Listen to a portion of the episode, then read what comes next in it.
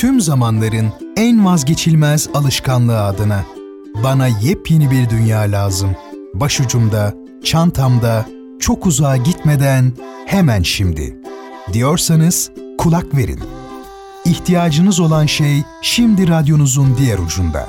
En yeni kitaplar, eskimeyen klasikler, distopyalar, öyküler, birbirinden keyifli romanlar, şiirler, yazarlar, şairler.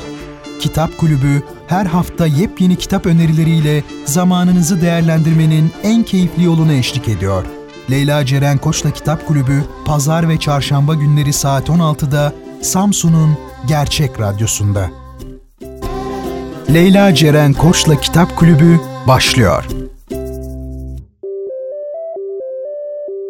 Şehrin tek gerçek kitap sever adresi 93.5 Radyo Gerçek frekansından ve Kitap Kulübü'nden herkese merhaba sevgili dinleyenler. Ben Leyla Ceren Koç'la birliktesiniz. Bu hafta yine yepyeni kitapları sizlere tanıtmaya çalışacağım. Kütüphanenizin zenginleşmesi adına e, benim için gerçekten önemli olan tercihlerimi sizlerle de paylaşacağım da diyebiliriz. İlk kitabımızı Metis Yayın Evi'nden paylaş, e, paylaşmak istiyorum sizlerle. Dağınık Zihin adlı bir eserimiz var. Yazarları ise Adam Gazali ve Larry D. Rossen. Kısaca e, yazarlardan bahsedelim. Öncelikle Larry D. Rossen, Amerikalı araştırmacı psikolog 1971 yılında Los Angeles'taki Kaliforniya Üniversitesi'nin matematik bölümünden mezun oldu. Deneysel psikoloji alanındaki doktorasını da 1975 yılında San Diego'daki Kaliforniya Üniversitesi'nde tamamladı. Araştırmalarına çoklu görev, sosyal ağlar, kuşak farkları, ebeveynlik, çocuk ve ergen gelişimi ve eğitimsel e, psikoloji alanlarına odaklanan Rosen, teknolojinin psikolojisi konusunda uluslararası bir uzman olarak tanınıyor. 1976-2015 yılları arasında Kaliforniya Devlet Üniversitesi'nde psikoloji profesörü olarak hizmet veren Rosen, akademik kariyerinin ve bilimsel araştırmalarının yanı sıra blog ve köşe yazarlığı da yapmış, e, radyo ve televizyon programlarına katılıyor. Yazarın Adam Gazali ile birlikte kaleme aldığı ve 2017'de e, Pros ödülüne layık görülen Dağınık Zihin dışında dört kitabı daha bulunuyormuş. Adam Gazali'ye geçelim bu noktada. Kısaca ondan da bahsedelim. Amerikalı sinir bilimci 1990 yılında e, Binghamton Üniversitesi Biyokimya bölümünden mezun olmuş. Master ve doktorasını New York'taki Mount Sinai Tıp Okulu'nda yapmış. E, 2006 San Francisco'daki e, Kaliforniya Üniversitesi'nde de Gazali Laboratuvarını kurmuş 2006'da. 2007'de de yine aynı üniversitede sinir bilim görüntüleme merkezini ve 2009'da da e, Neuroscape e, Translasyonel Sinir Bilim Merkezi'ni kuruyor. Araştırmalarında daha çok bilişsel becerilerinin geliştirilmesine odaklanan Gazali bu konuda çok sayıda bilimsel makale de yayımlamış ve dünyanın dört bir yanında konuşmalar yapmış. 2013 yılında Amerika Birleşik Devletleri'nin bağımsız kanalı PBS'te Adam Gazali ile Dağınık Zihin adlı bir program hazırlayıp sunmuş. 2014 yılında ise TED konferanslarının tıp ve sağlık ayağını teşkil eden TED Med'in eş sunuculuğunu da yapmış. 2015 yılında Uluslararası Sinir Bilim Derneği tarafından bilim eğitmeni ödülüne layık görülen Gazali hala e, CUSF'de nöroloji ve fizyoloji ve psikiyatri profesörü. Şimdi bu muhteşem insanların e, kitaplarına e, göz atalım kitabına daha doğrusu dağınık zihine şöyle bir göz atalım. E, direkt olarak sizlerle yayın bültenini paylaşacağım. Şöyle demişler, beynimiz inanılmaz bilgi işleme sistemlerine ve insanlığın tanıdığı en karmaşık yapıya sahiptir. Fakat yine de eve dönerken süt almayı unutuyoruz. Peki bu nasıl olabiliyor? Edim Gazali ve Larry Rosen bu basit sorudan yola çıkarak günümüzde hemen hepimizin muzdarip olduğu zihin dağınıklığı sorununu bir sinir bilimcinin ve bir psikolo e, psikoloğun bakış açısından ele alıyor.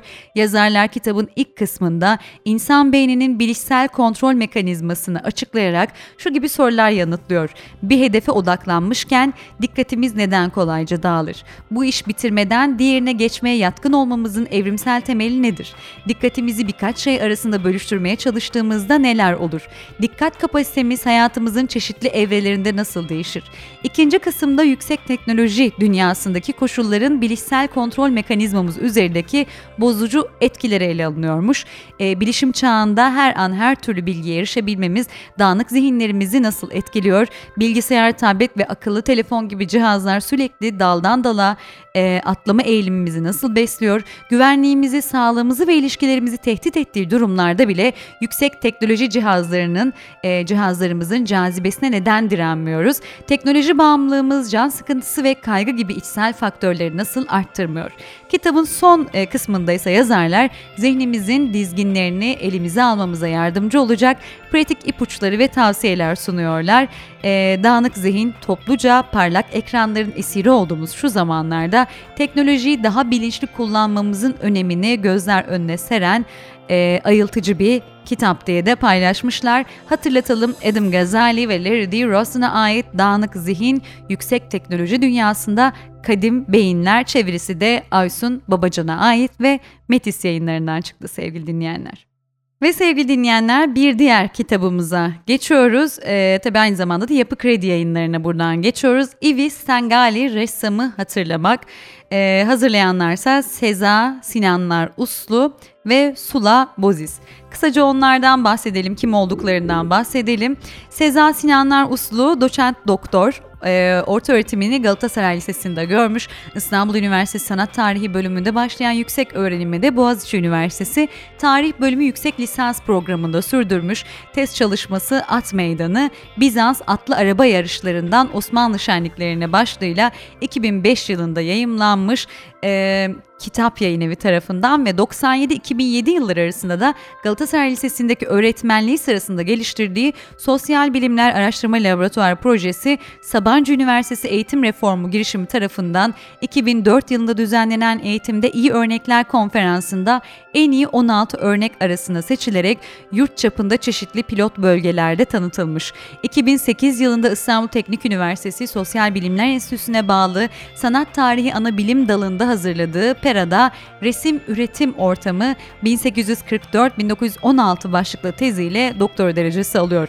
2010 yılında İstanbul Fransız Kültür Merkezi'nde yapılan Pera ressamları Pera sergileri, 2016 yılında ise Pera Müzesi'nde açılan Mario Parasinos bir sanatçının izinde sergilerinin e, küratörlüğünü üstlenmiş ve 2009 yılından bu yana da Yıldız Teknik Üniversitesi Sanat ve Tasarım Fakültesi Sanat Yönetimi ana bilim dalında eğitim veriyormuş kendisi ağırlıklı olarak da 19. yüzyıl Osmanlı dünyasında kültür ve sanat yaşamı İstanbul, kent tarihi, endüstriyel tasarım tarihi, kültür politikaları ve sanat eleştirisi konularında da çalışmalar yapmış.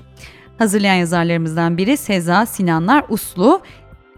Diğerine geçiyoruz Sula Boziz'e. Sula Boziz de 1970'te e, başlayarak İstanbul'da tiyatro kostümcüsü ve ilk entik pardon etnik moda tasarımcısı olarak çalışıyor.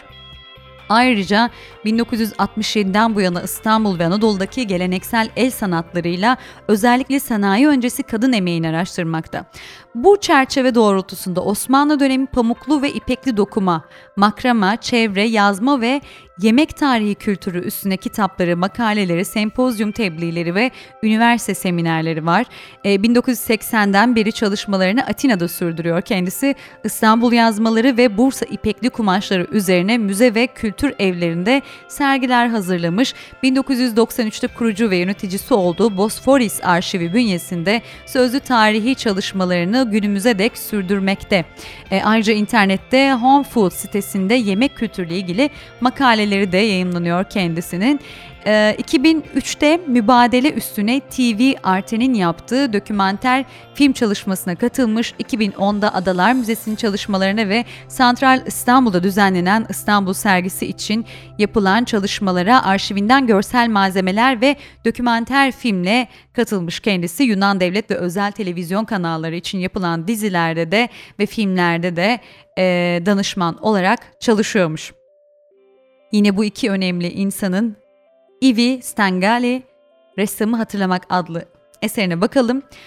Hayatı boyunca kendini Rum ya da Türk olarak değil sadece bir ressam olarak tanımlayan Ivi Stangali 1950'lerin İstanbul'unda oldukça hareketli ve renkli bir dönemde varlık göstermiş. Çok sayıda dostu olmasına rağmen yaşam öyküsü neredeyse hiç dillendirilmemişti. Onu nasıl yazmalı, nasıl anlatmalıydık? Sula Bozis'in girişimiyle Ivi'nin kızı sevgili Maya Stengali'nin arşivinde bulunan sanatçıya ait defterler, kartpostallar, mektuplar ve bunun gibi belgelerden hareketle bir çalışmaya koyulduk. Uzunca bir araştırmanın sonunda erişebildiğimiz tüm bilgileri değerlendirdik.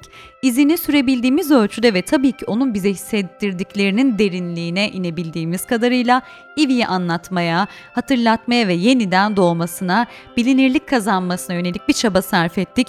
Masalların başında duymaya alıştığımız bir varmış bir yokmuş sözünün Ivi Stengali'nin yaşamı için ne kadar acı verici bir gerçeğe dönüştüğünü hiç unutmadan onu kaybolduğu yerden alıp vatan olarak gördüğü yere sahip olduğu en önemli kimliği ressamlığıyla ait olduğu zamana hak ettiği şekilde yeniden yerleştirmek istedik.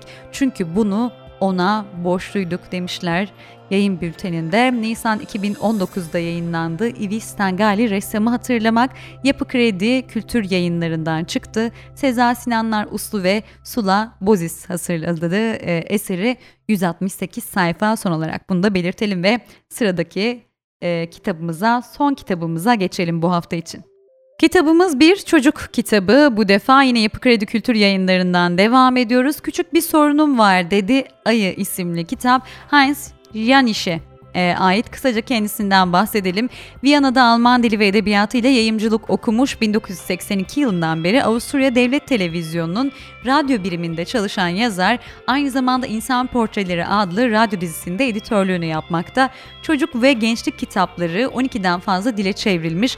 Kitapları Avusturya Çocuk ve Gençlik Kitabı Ödülü, Bologna Ragazzi Award, e, Viyana Çocuk Kitabı Ödülü gibi birçok ödülü de e, almış ve hala kendisi Viyana'da yaşıyor. Küçük bir sorunum var dedi ayı acaba. Ama kimse ayının sözünü bitirmesine izin vermedi. Ayı derdini kime açmaya kalksa karşısındaki ayının sözünü kesip neye ihtiyacı olduğunu aklı sıra söyleyiveriyordu.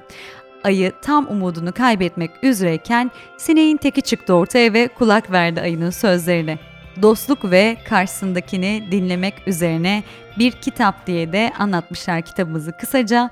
Dediğim gibi 3-8 yaş grubuna ait. E, eseri çeviren isimse Gaye Yeşim Sezer. Ee, Doğan Kardeş kategorisinde, resimli öykü kitapları kategori, e, kategorisinde 28 sayfalık bir eser. Küçük bir sorunum var dedi ayı çocuklarınız için güzel bir e, kitaba benziyor bana kalırsa. Ve sevgili Kitap Kulübü dinleyenleri bu haftalık programımızın sonuna geldik. Haftaya yepyeni kitaplarla yeniden buluşuncaya kadar umarım kütüphanenize gerekli katkıları sağlayabilmişimdir diyorum. Haftaya buluşmak dileğiyle dop dolu okumalarla geçen bir hafta diliyorum. Hoşçakalın. Leyla Ceren Koç'la Kitap Kulübü sona erdi.